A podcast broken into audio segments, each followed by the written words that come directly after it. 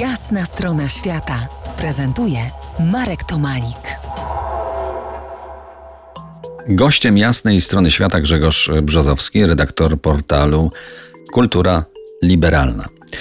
Rozmawiamy, rozmawialiśmy o sile krajobrazu podczas nomadycznych wędrówek. W swojej recenzji filmu Nomadland y, powołujesz się na książkę Bruce'a Chatwina Ścieżki śpiewu, pieśni stworzenia. Zależy jak przetłumaczymy sobie songlines. Chodzi tu o relację człowieka do ziemi, do krajobrazu. Aborygeni wierzą, że człowiek należy do ziemi, a nie odwrotnie, czyli posiadanie ziemi to szkodliwa iluzja rodem z zachodu. Ten film Nomadland chyba też o tym troszkę mówi.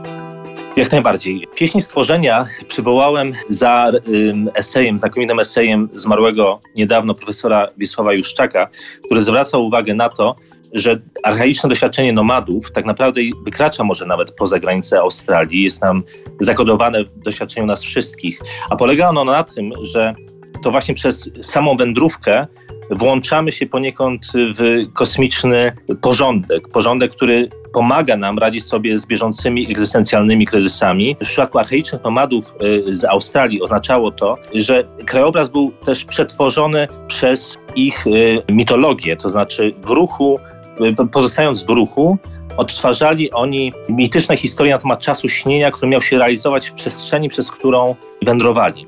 I podczas swoich przystanków oni dzielili się przynajmniej raz do roku opowieściami o mitycznym czasie e, śnienia, który był zakodowany w samej ziemi. Ta opowieść porządkowała ich życie. E, oznaczało to tak naprawdę kontakt e, ze świętością, ze świętością obecną tu i teraz, na którą trzeba się tylko otworzyć przez to, że otworzymy się na doświadczenie wędrówki.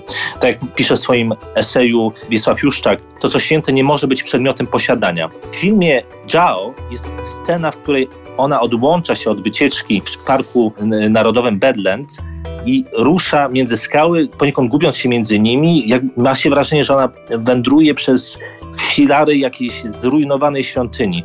I to doświadczenie wydaje mi się trochę nawiązywać do tego, o czym Chatwin, o czym Juszczak wspominają, jak, jako o tym najbardziej fundamentalnym wymiarze naszego kontaktu z Ziemią. To jest tak poniekąd kontakt ze świętością. Kontakt, który może nam pozwolić poradzić sobie z wewnętrznym kryzysem, y, sprawić, że poczujemy się tylko częścią większej całości, która też da nam jakieś ukojenie.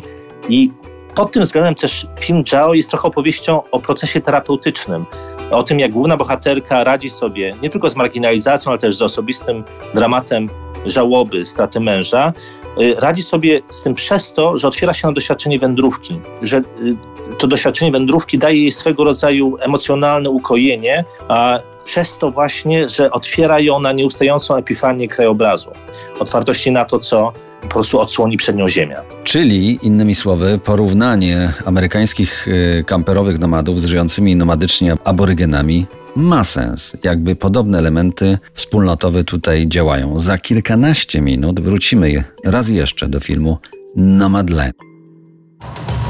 To jest jasna strona świata w RMS Classic.